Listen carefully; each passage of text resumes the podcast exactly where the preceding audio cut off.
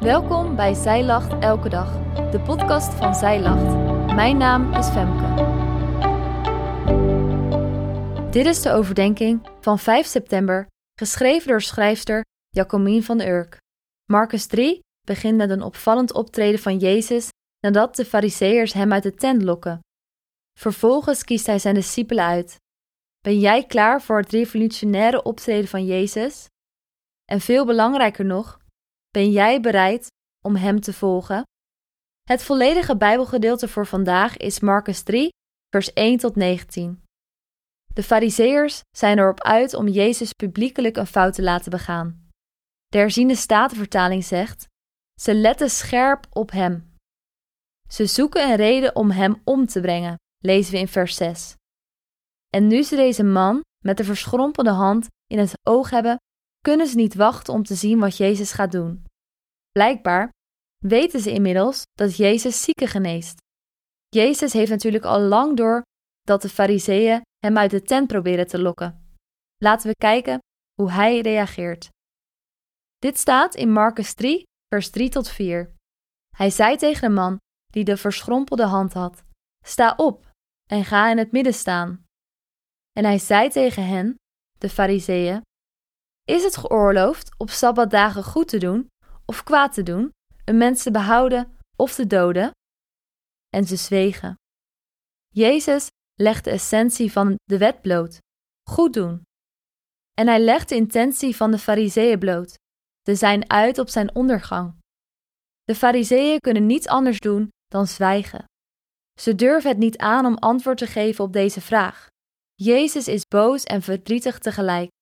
Hij kijkt door de vrome maskers van de Fariseeën heen en ziet de verharding van hun hart. Hij treedt revolutionair op door iets te laten zien van het nieuw verbond dat hij zal openbaren. Zoals Paulus schrijft in 2 Korinthe 3 vers 6, om dienaars van het nieuw verbond te zijn, niet van de letter, maar van de geest. Want de letter doodt, maar de geest maakt levend. De man met de verschrompelde hand wordt voor het oog van alle omstanders genezen. Jezus laat heel duidelijk zien dat hij niet gekomen was om mensen te behagen, maar om de wil van de Vader te doen. Hij treedt revolutionair op tegen alle verwachtingen van alle religieuze leiders in. En hij laat zien dat het de Vader te doen is om het goede. Jezus blijft niet alleen in zijn optreden op aarde. Hij kiest zijn discipelen uit met het oog op het komende koninkrijk.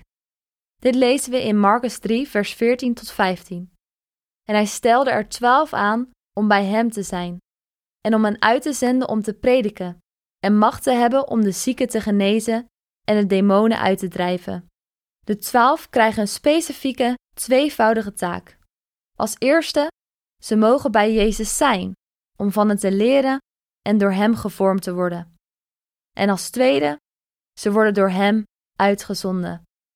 De twaalf wisten dat het volgen van deze rabbi onzienbarende gevolgen zou kunnen hebben. Ze hebben zijn optreden gezien en hebben later ook aan de lijf ondervonden wat het betekent om voor zijn naam te lijden. Zoals Hebreeën 11 vers 38 het zegt. De wereld was hen niet waard. Maar ze wisten wie hen de macht had gegeven en dat hij bij hen zou zijn, alle dagen. En nu naar jou. Ga eens voor jezelf eerlijk na in wie jij jezelf herkent in dit verhaal. Herken je iets van het verlangen van Jezus om het goede te doen? Of zie je misschien meer van jezelf in de kritische en scherpe houding van de Fariseeën? Wil je net als de discipelen bij Jezus horen en desnoods je leven geven voor zijn zaak? Hem volgen gaat niet onopgemerkt. Je zult er iets van gaan merken in je eigen leven en de levens om je heen. Zijn koninkrijk breekt baan.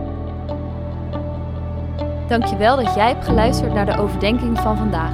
Wil je de overdenking nalezen? Check dan onze website. Je vindt er ook meer toffe dingen die jou helpen om de Bijbel vaker te openen, zoals boeken, Bijbels, cursussen en evenementen. Morgen ben ik weer bij je terug met een nieuwe overdenking. Tot dan!